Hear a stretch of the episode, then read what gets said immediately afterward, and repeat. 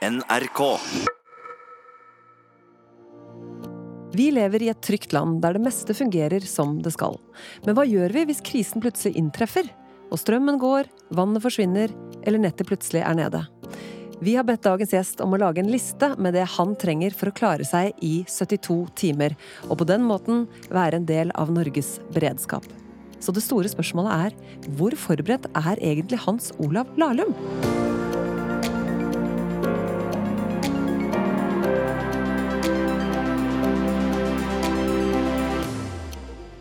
Velkommen til 72 timer, en podkast med Marte Snokstad og Knut Folkestad. Og dagens gjest Hans Olav Lahlum. Det her med beredskap, er det noe du har tenkt mye på før? Nå tror jeg ikke at de fleste innbyggere i Norge får noe bedre liv hvis de hver dag går og våkner opp og tenker eh, i dag kan det komme en eh, krisesituasjon av et eller annet slag, og der er jeg eh, heller ikke. Men jeg tror av litt ulike årsaker at jeg skulle håndtere det rimelig godt hvis det inntraff en eller annen sånn type situasjon. Mm.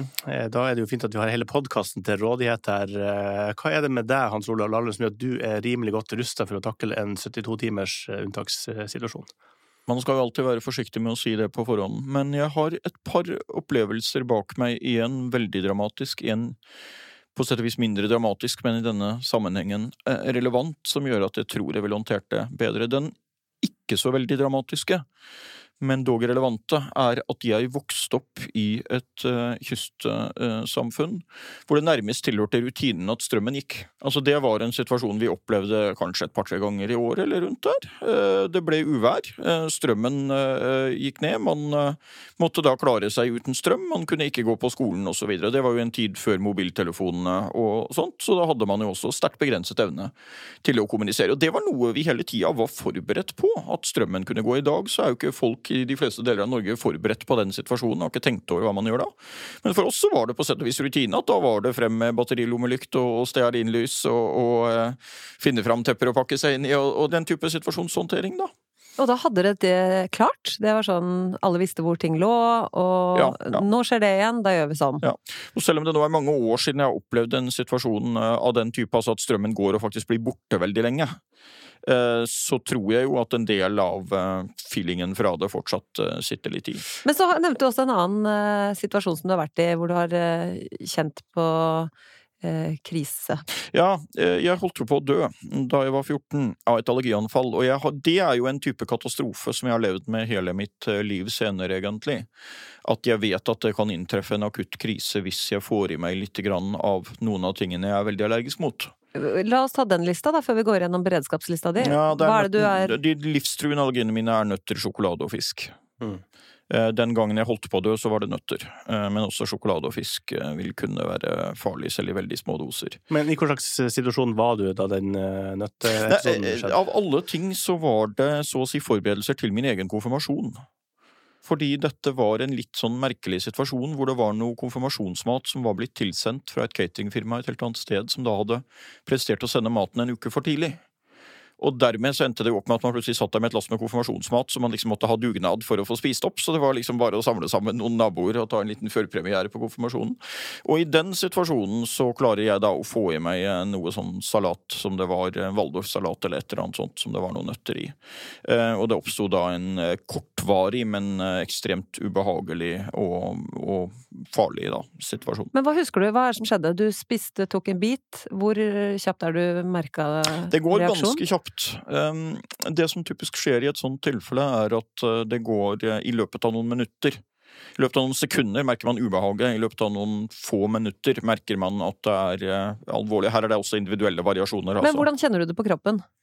Hvis du kan beskrive det. Som om en slags klo eller noe sånt da hjernen griper tak om hjertet ditt og begynner å stramme taket. Og det er jo da en ekstremt ubehagelig situasjon, fordi eh, situasjonen i seg selv er til å leve med, men, men hvor mye videre eh, det strammer, vil jo være ganske viktig.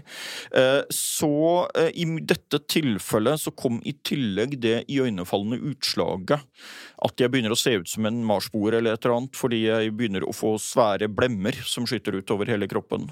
I løpet av noen minutter så skjer Det er snakk om dette? minutter, ja. Så det ene er jo at jeg eh, rent fysisk begynner å se ut som en marsboer av et eller annet slag. Det andre er jo at jeg lager en del lyd fordi jeg sliter med å uh, puste.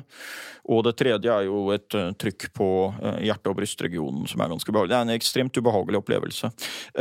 Også i mitt tilfelle igjen, da, så vil overlevelse i en sånn type situasjon rett og slett handle om hvor fort du klarer å spy, og hvor fort du får mest mulig av dette ut av systemet før det gjør større skade.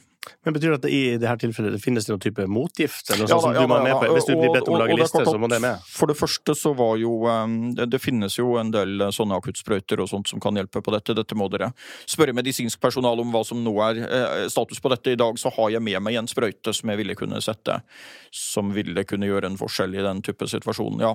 Men dette var jo for det første på et tidligere stadie av medisinsk utvikling, og for det andre også ganske langt unna nærmeste sykehus, da, i og med at jeg bodde langt ute på landet. Men da er man jo i en situasjon som eh, er kritisk, eh, og du har voldsomme smerter. Hva er det som skjedde? Hvordan fikk du hjelp? Nei, jeg fikk for så vidt ikke hjelp, og dette er jo for så vidt den situasjonen hvor jeg Eller jeg fikk hjelp, men den kom altfor seint til å ha noen betydning. Eh, nei, der jeg bodde i Nord-Norge, så er jo situasjonen da at da ringer du til legen, og så setter legen seg i båten og kommer eh, kjørende, som er det nærmeste du kan få til. Ja. Men det vil ta type en time eller et eller annet slikt eh, minimum før en lege kan være til stede på grunn av avstanden og slikt. Og eh, min kamp for å overleve vil være avgjort i løpet av den tiden. Mm. Men hvordan greide du det? Hvordan overlevde du? Jeg spydde. Du fikk det opp, ja. Ja. Jeg spydde og spydde, og så når jeg hadde spydd ut nær sagt alt som var mulig å spy ut, så er det en sånn kritisk fase hvor man Hvor jeg da i noen minutter er eh, altså må så å si kjempe for hvert uh, åndetak, eller hva man heter. eh, åndedrag. Mm. Eh, og så vil jeg på et tidspunkt merke at nå er det fortsatt ekstremt ubehagelig, men det er over krisen. Mm. ja. Altså det blir litt grann lettere for hvert minutt som går. Men er det her noe du eh, frykter kan skje i dag, bortsett fra at du har en sånn sprøyte? Da, som Ja, i dag er, har, har man i hvert fall jeg bedre medisinsk beredskap på det, men jeg har jo rett og slett bare lagt meg på den lista at jeg ikke spiser noe som helst jeg er i tvil om. Da. Men hva har det gjort med deg å hatt denne opplevelsen eh, som eh, barn og ungdom, Nei, jeg tror nok det og vet at det er noe som potensielt kan ta livet av deg rundt hver sving? På alle bord, matbord eh, rundt i Norge? Ja, nei, det har, det har nok helt klart preget meg. eh, og det, man kan jo tenke seg selv at hvis du opplever noe sånt når du er eh, type 14 som jeg var, så vil det jo selvfølgelig prege videre. Jeg tror egentlig i ettertid at det har hatt en del positiv innvirkning, faktisk. Eh, at jeg på mange måter er blitt skal du si, mer effektiv, mer målretta, på en måte også mer glad i livet. Ja. Man setter jo mer pris på livet når man har holdt på å miste det, og så er det jo veldig deilig å være frisk etter å ha vært virkelig syk. For den effektiviteten din, den merka vi jo da vi kom inn og skulle starte podkasten. den, den er tidvis litt overdreven. Jeg fikk nesten ikke tatt deg i hånda før du sa 'nå starter vi'! For du vil bare få eh, Og du sa det er ikke Nå kom, når jeg kom hit, sånn, så var jeg fokusert på å gjøre dette opptaket og tenkte på hva jeg skulle si til det. Ja. Og da vil ikke jeg ha en lang pause før jeg starter. Da vil Nei. jeg komme i gang snarest mulig. Men da har vi kartlagt det, Hans Olav, at du er effektiv og vil ha ting gjort og få det, få det unna. Er det noen områder du ikke er eh, like god på, eller der du ikke har like god eh, kontroll på, livet? Det er masse områder jeg ikke er god på. Eh, og jeg har jo også valgt å leve et liv hvor jeg prioriterer tiden, delvis i forlengelsen av dette. Altså, jeg bruker tid på ting jeg er interessert i og har lyst til å gjøre, og så bruker jeg mindre tid enn mange andre. På, Mm. på, på noen sånne rutineting. Mm. Så det er og, og, og en del ting som andre har brukt mye tid på, som jeg har brukt lite tid på. Helt klart. For eksempel. Jeg har vel ikke danset i mitt voksne liv, tror jeg. Du hører aldri musikk og tenker nå våkner kroppen til liv, hvor du sitter og vugger litt? Nei.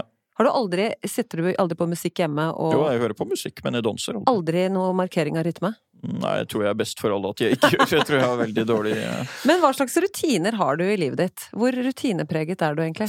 Nei, jeg er lite rutinepreget, og samtidig kanskje mye rutinepreget, fordi jeg gjør jo en del av de samme tingene, men samtidig så har jeg veldig sammensatte arbeidsuker, typisk med mange reisedager og sånt. Og i forlengelsen av det så øh, varierer også døgnrytmen min så å si litt naturlig. Altså det er veldig vans vanskelig å ha noe helt regelmessig døgn med den arbeidshverdagen jeg har. Eh, Vi skal etter hvert eh, komme til eh, lista di og din beredskapsplan, Hans Olav Lahlum. Men litt tilbake til det- med rutiner. Sånn. Er- er- Handler du for lengre tid av gangen? Sånn når du kommer hjem fra en forfatterturné, så kan du åpne kjøleskapet, og der, er det, der bugner det av frukt og grønt som varer i ukevis? Eller kjøper du mat dag etter dag? Eller dag for dag? Nei, jeg er nok sånn på mellomdistanse der. Jeg har stående drikke for noen dager vanligvis. Uh, mat så prøver jeg jo ikke å la mat eh, nær sagt stå og mugne for mye. Jeg bor aleine, så det er klart at uh, syns jo det er veldig synd å kaste mat som fort blir resultatet hvis jeg lager opp for mye. Men jeg pleier vel å ha noe sånn litt sånn basismat på en måte, altså sånn type brød og litt frukt og noen sånne ting. Mm. Som gjør at jeg også har noen dager å gå på. da. Hvis du tenker deg en situasjon hvor huset mitt plutselig ble avstengt, og hvor jeg ikke kunne forlate huset og ikke få inn forsyninger utenfra, så har jeg nok i de aller fleste tilfeller mat til å klare meg noen dager ja. uten større smerter. For Det er jo den situasjonen vi etter hvert kan begynne å se for oss, Hans Olav. At du er hjemme, strømmen går, vannet er plutselig borte, kanskje til og med nettet brutt sammen. Og det er mulig at det her kommer til å vare i 72 timer. Hvordan ville du vært stelt da? Hvordan ville du reagert, først og fremst? Jeg ville nok blitt litt irritert, tror jeg. Altså, men, Mer enn redd? Uh, ja, i utgangspunktet, men det kommer jo veldig an på hva det er. Hvis man vet hva det er, hvis man får en beskjed av typen 'nå har strømmen gått og nettet er nede' og sånt, det vil bli reparert om la oss si 48 til 72 timer, mm.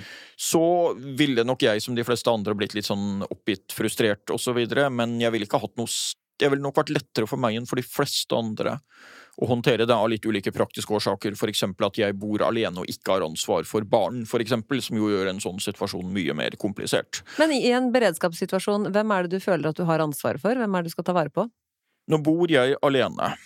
Um, og så har jeg en relativt liten uh, familie, som jeg jo da selvfølgelig så langt mulig måtte prøve å sette meg i kontakt med for å høre hvordan det sto til og om ting var under kontroll. Og det er jo da en søster og en niese, en mor og hennes samboer, og en, eh, og en far. Eh, min far eh, bor jo i en annen etasje i samme hus som jeg bor i. Og så har jeg i tillegg boende en hyggelig ung leieboer i kjelleretasjen. Jeg bor da i et ganske stort familiehus hvor jeg har en stor leilighet for meg selv øverst, og så har min far en tilsvarende stor leilighet i en lavere etasje, og så har vi en leieboer med en litt mindre leilighet i kjelleren. Så det ville på en måte være familien man først prøvde å sette seg i kontakt med. Mm. Eh, men i mitt tilfelle, jeg er jo veldig nær på en del venner. Slik at jeg ville nok ganske fort også tatt en telefonrunde til eh, vennekretsen, eh, så å si, og de nærmeste vennene. Så. Men tenker du at du hadde inntatt en sånn praktisk, fornuftig rolle i en sånn situasjon? Hvem hadde du vært i den gjengen hvis det er da en gruppe mennesker som må evakueres, da, for eksempel? Ja, det... Holder du stemninga oppe, eller hvordan tror du du hadde vært fungert? Jeg tror at det ville fungert rimelig praktisk, men det er jo det er to ulike situasjoner, da. Den ene er jo hvis man så å si kan få en beskjed eller forstår hva slags type situasjon det er, à la strømmen er nede, nettet er nede, det kan ta 48 til 72 timer å få ordnet dette. Så ser jeg ikke helt for meg hvordan det huset jeg bor i liksom skal bli isolert fra resten av verden, at man ikke kommer seg ut og sånt, men det kan jo på en eller annen måte ha skjedd noe som gjør at man liksom ikke kommer seg ut av eiendommen. Og, men har du, er det eksempel eh, mulighet for vedfyring og sånt i dette store herskapshuset? Ja, den, den muligheten fins, ja. Mm. Um, så det, og man vil nok også ha tilstrekkelige mengder brensel hvis det trengs til stede. Mm. Så også hvis du tenker deg at det var midt på vinteren, som jo kan være veldig kald på Gjøvik, så ville det fungere. Og jeg har også rikelig med tepper og den type ting i huset, så noe sånn akutt fare for å fryse i hjel på tre dager vil det ikke være. Men før vi tok kontakt med deg og skulle ha med deg i denne podkasten, er dette noe du har tenkt på? Har du gått og Du jo, er jo forfatter og har evnen til å eh, lage historier og scenarioer. Ja. Eh, er dette noe du har sett for deg? Hva Lite som kan grann, skje? men ikke mye. Nei. Eh, det har ikke drevet noen stor kriseplanlegging for den type situasjoner. Det har aldri skjedd verken i min eller husets levetid, på sett og vis, men, men eh, men i og med at jeg har den bakgrunnen jeg har med disse barne- og ungdomsopplevelsene og litt sånt, så har jeg jo tenkt over det. Mm. Men har det gjort deg mer bekymra, tror du? Er du, er du en bekymra type? Mm, nei. Eh, snarere er jeg i en del situasjoner litt i overkant optimistisk. Men det der har endret seg, fordi da jeg var ung og fattig, hadde jeg nær sagt, så var jeg mye mer nervøs enn jeg er i dag. Og da ville nok en sånn situasjon ha fremstått som veldig ubehagelig. Eh, delvis fordi jeg har fått litt mer livserfaring og litt bedre selvtillit, og ikke minst fordi jeg nå, motsatt av den gang, ikke trenger å bekymre meg for økonomi. Mm så tror jeg nok at jeg i dag i de fleste sånne situasjoner vil fremstå som godt over gjennomsnittet nervesterk. Mm. Også litt ut fra erfaringen med de situasjonene vi snakket om.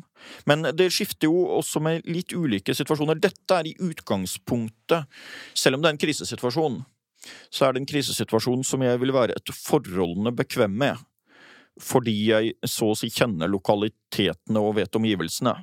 Og i mitt tilfelle så vil det være et stort pluss. Også om du tenker deg i situasjonen at jeg var aleine hjemme, da. Mm. At jeg var den eneste personen som befant seg i huset. Så vil jeg på mange måter eh, likevel være ganske bekvem med dette. Jeg kjenner huset, jeg vet hvordan eh, ting ser ut, jeg kan tenke meg til ganske fort hvilke problemer som vil oppstå. Jeg tror at for eksempel i en type krisesituasjon, la oss si på en flyplass i utlandet, Ja, en evakuering kjenner, der, ja. ja, hvor jeg ikke kjenner lokalitetene og ikke vet hvor langt det er til ting, og, og, og ikke vet hvordan man får gjort det og det, tror jeg i mitt tilfelle vil oppfattes som mer ubehagelig. Har også sammenheng med at jeg har en ekstremt dårlig retningssans. Oi, du har det? Ja, Eh, jeg er helt ekstremt dårlig eh, retningssans. hvordan merker du den i hverdagen? Nei, min evne til å gå seg bort også på tilsynelatende oversiktlige steder er jo smått Men bruker du telefonen da, på Google Maps, Nei, du, jeg har tatt et slags bevisst valg. Jeg har ikke telefonen på internett.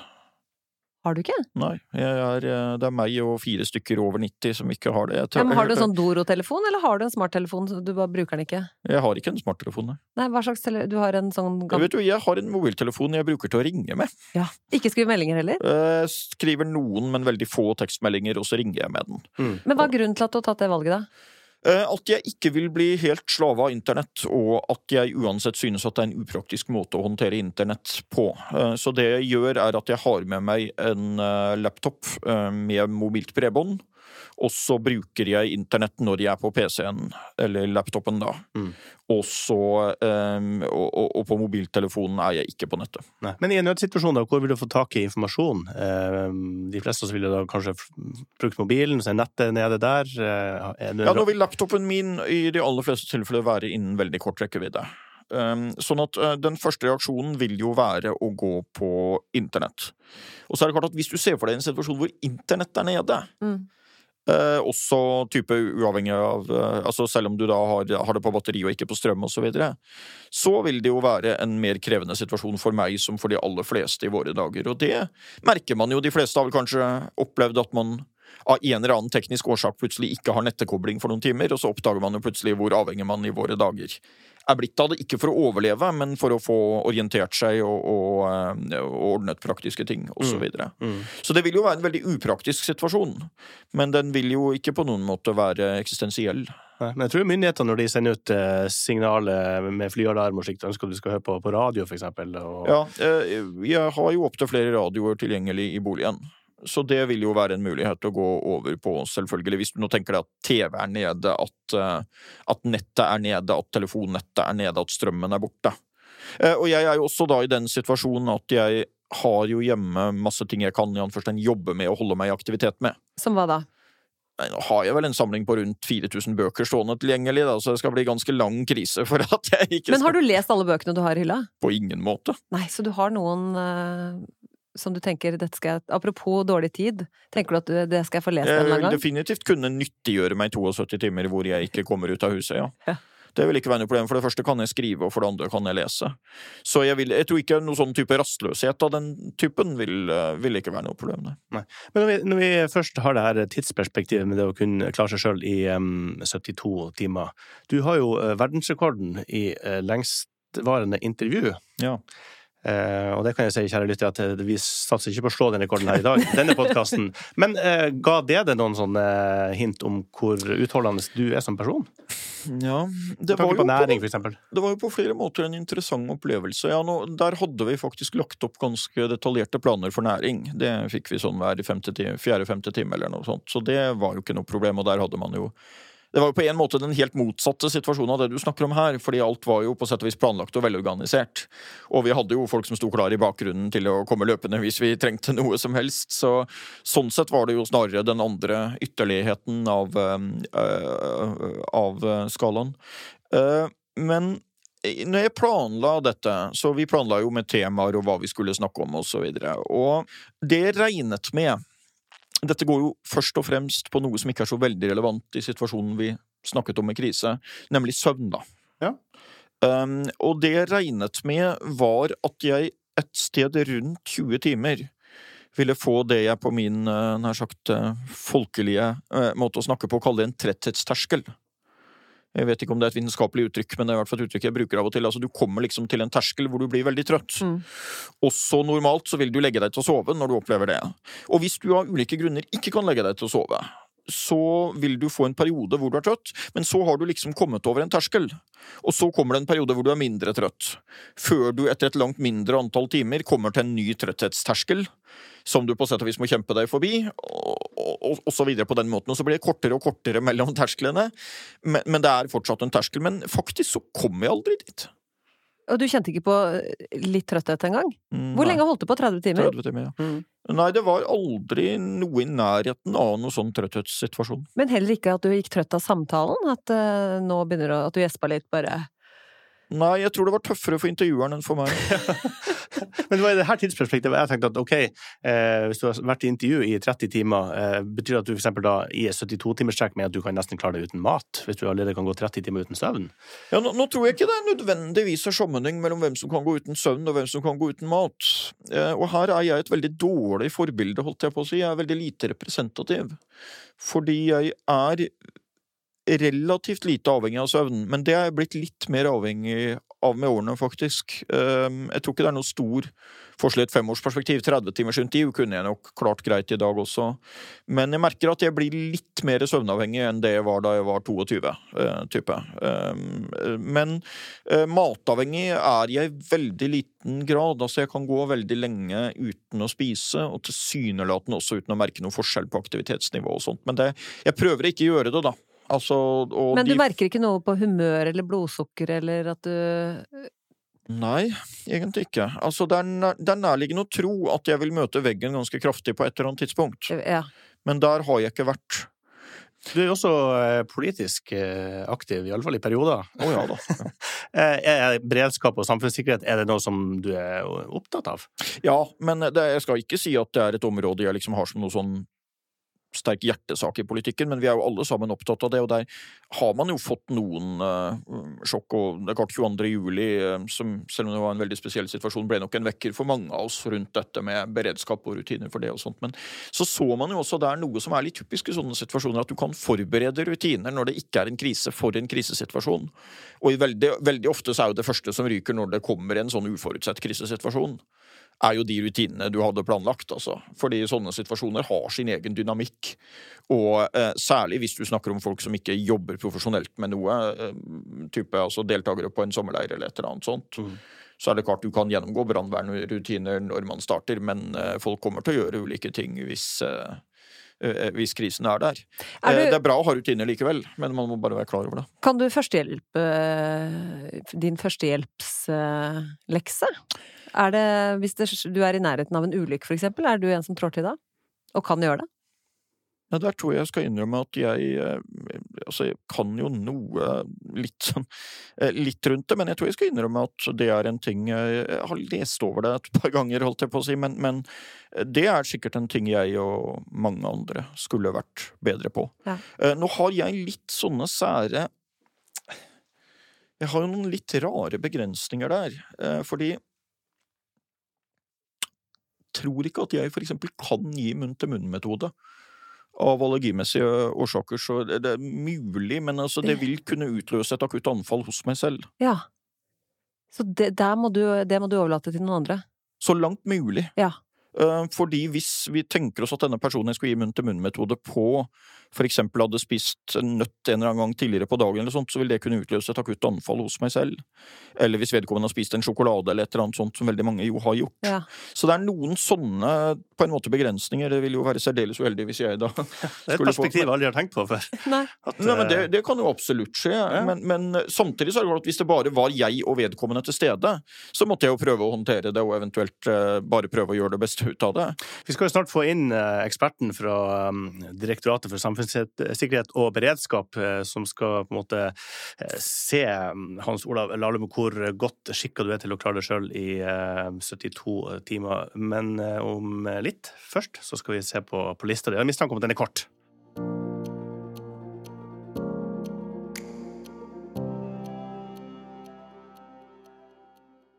Du hører på 72 timer.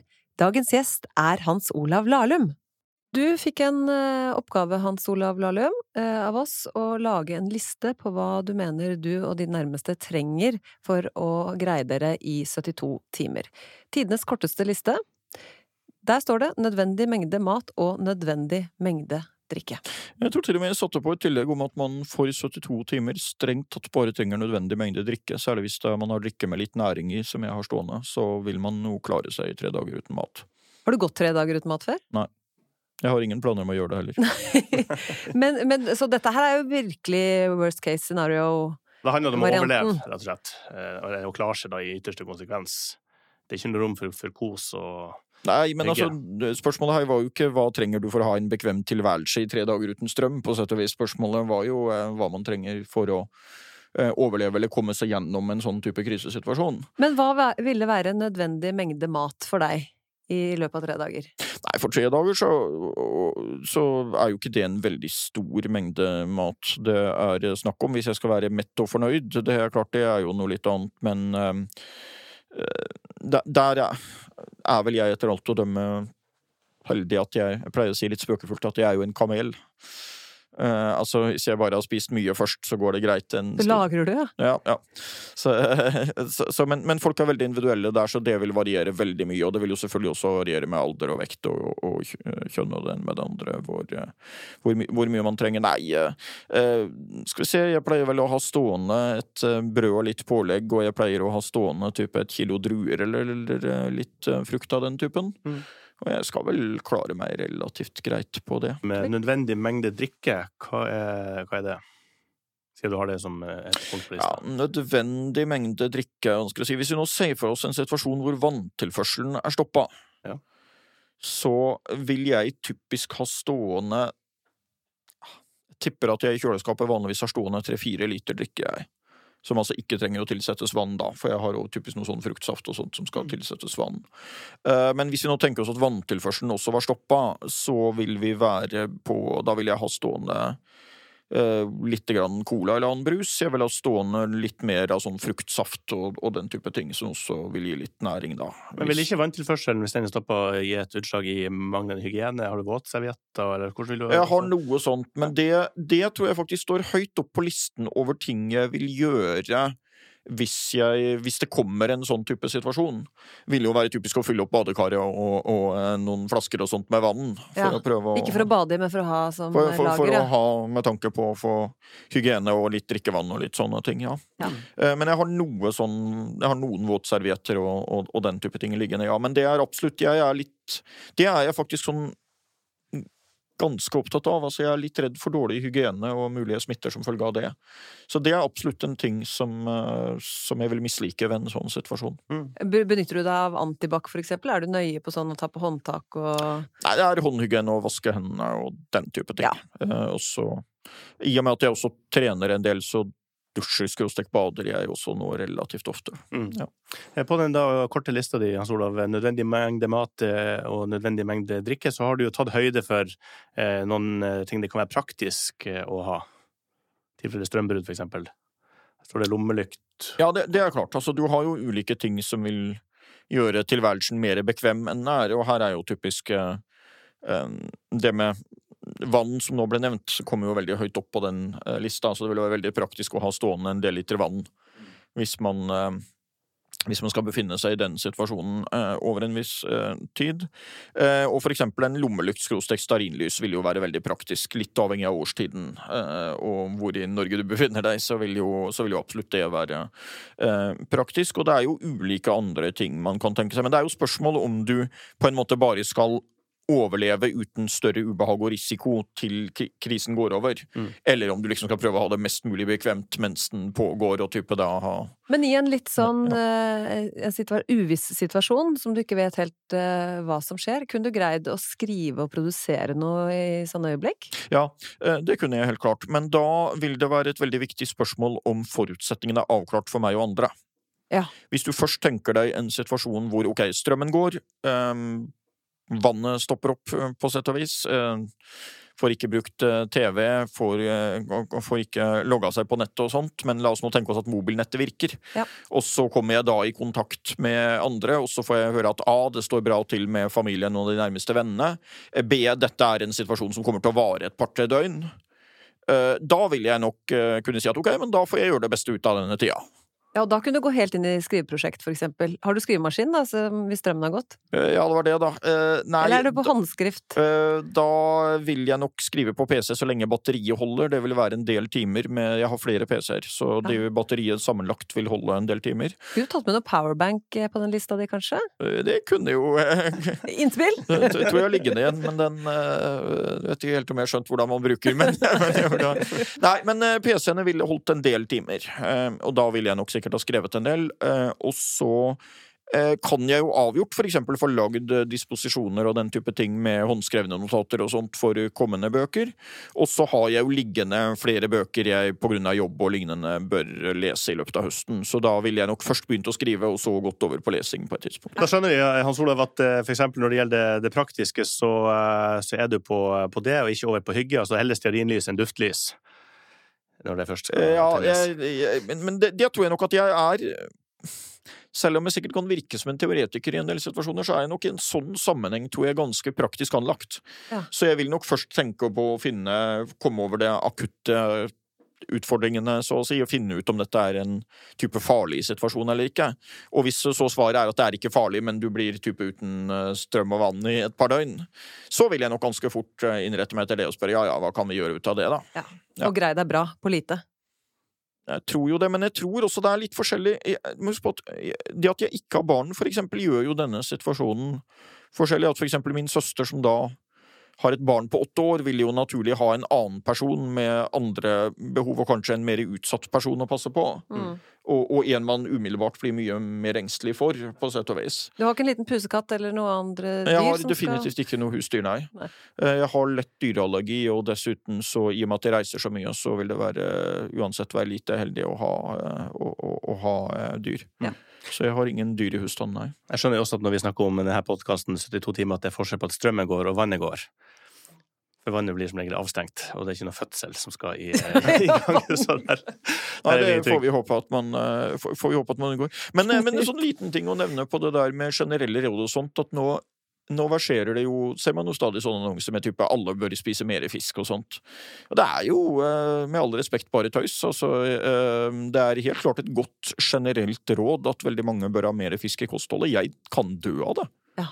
Eh, Sånn at bare på en sånn konkret sak så merker du jo at jeg har liksom da måttet lære meg til at jo da, det er viktig å lese generelle anbefalinger, men det er veldig viktig å tenke over om de passer for deg og dine nærmeste, for det kan faktisk være helt motsatt også.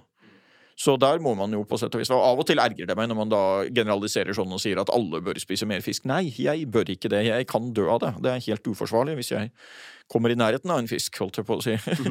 så, så, så, så um, det er jo en Det er et dilemma. Når det er sagt, så har jeg veldig stor tro på eh, Hva skal du si en del, For eksempel dette med vaksiner og det, så er jeg jo tilhenger av obligatorisk vaksinering.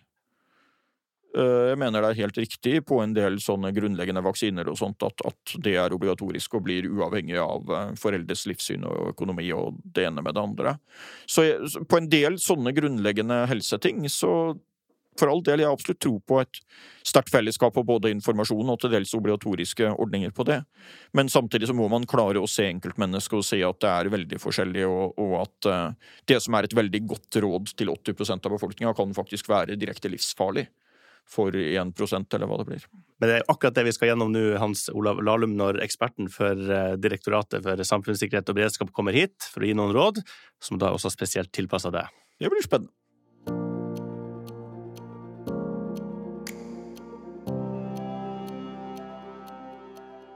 Du hører på 72 timer. Vil du lære mer om egenberedskap, besøk sikkerhverdag.no. Da har vi fått besøk av eksperten vår, Harald Rasmussen fra Direktoratet for samfunnssikkerhet og beredskap.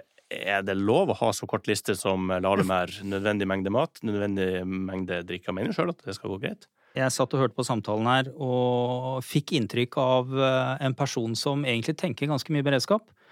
Eh, både med bakgrunn i oppveksten fra, fra kystområdene og hyppige strømutfall, men også den allergiutfordringen eh, du har. Så jeg tenker at utgangspunktet egentlig er ganske godt. Eh, samtidig så sier du at du er litt i overkant optimistisk, og det bærer kanskje den listen litt preg av. Mm. Men så vet vi også at forutsetningen din for å sette opp listen var at,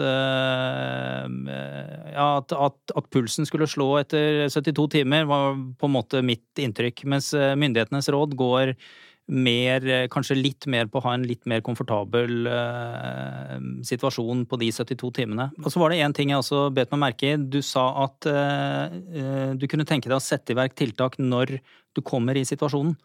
Det kan hende at det er for sent. Ja, det er jeg klar over, men driver du og fyller opp badekaret for å ha stående klart vann i tilfelle det blir en sånn situasjon? For det er vel heller ikke en anbefalt metode at folk skal ha fylt opp badekaret med vann på grunn av det.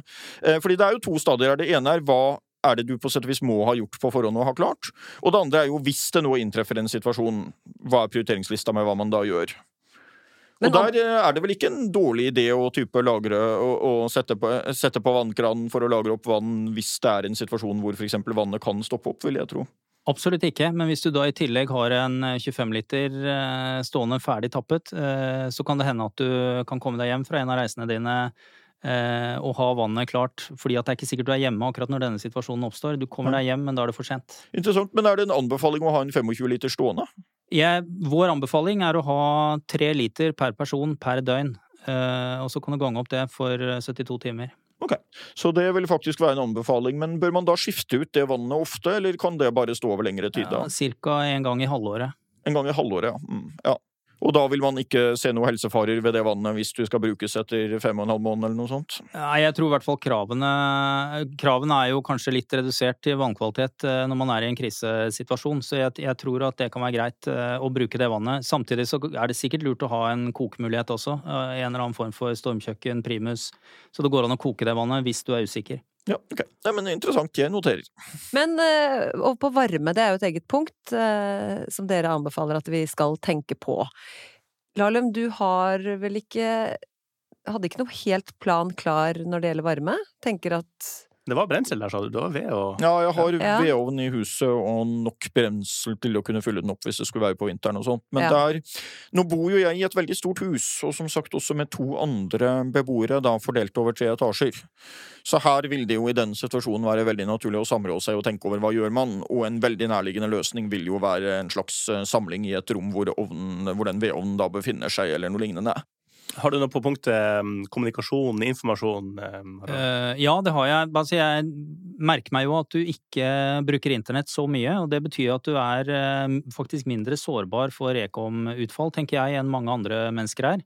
Uh, så var dere inne på dette med at du har flere DAB-radioer i huset. Det er bra. Pass på at du har batterier til dem, for da får du den informasjonen du trenger i en sånn situasjon. Du nevnte jo flere ganger at du gjerne ville vite årsak og hvor lenge dette varte. Og den informasjonen får du eh, i radio. Ja. Eh, det er, det er en sannhet med modifikasjoner at jeg er mindre på nettet, fordi av så å si arbeidsmessige årsaker så er jeg for så vidt ganske mye på nettet. Altså, arbeidsdagen min er jeg pålogget eh, mesteparten av tiden, men uh, jeg er ikke avhengig av Jeg har ikke gjort meg selv avhengig av å ha det på mobilen og den type ting. Så i den forstand så mm, er det riktig som du uh, sier, ja. ja. Men uh, uansett, det, det, er vi vel enige om. ja.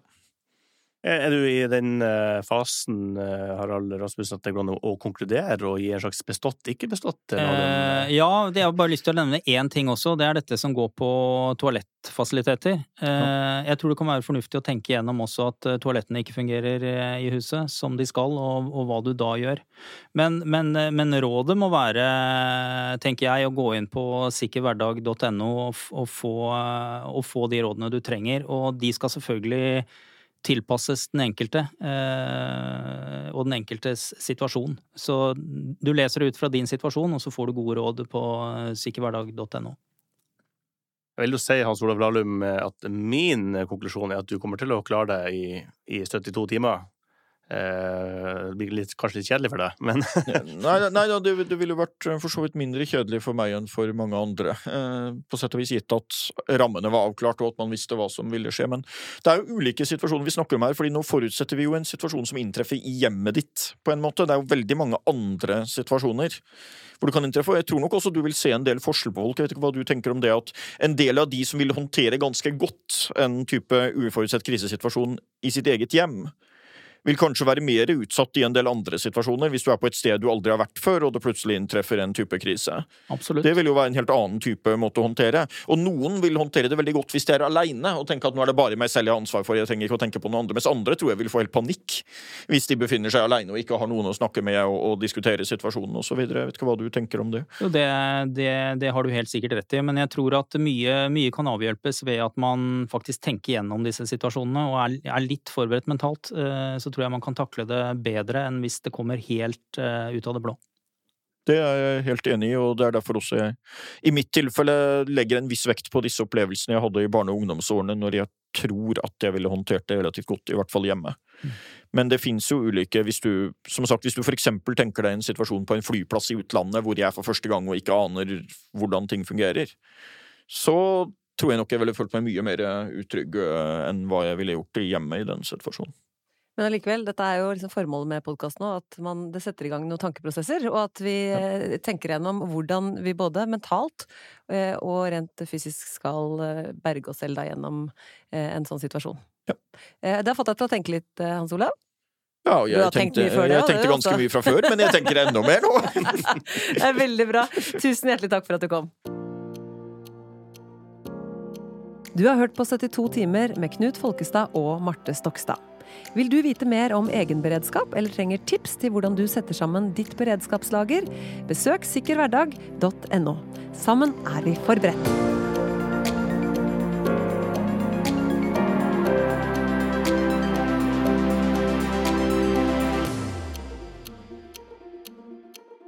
«72 timer er produsert av Moderne Media og Gelmeiden Kise for NRK og Direktoratet for samfunnssikkerhet og beredskap, DSB.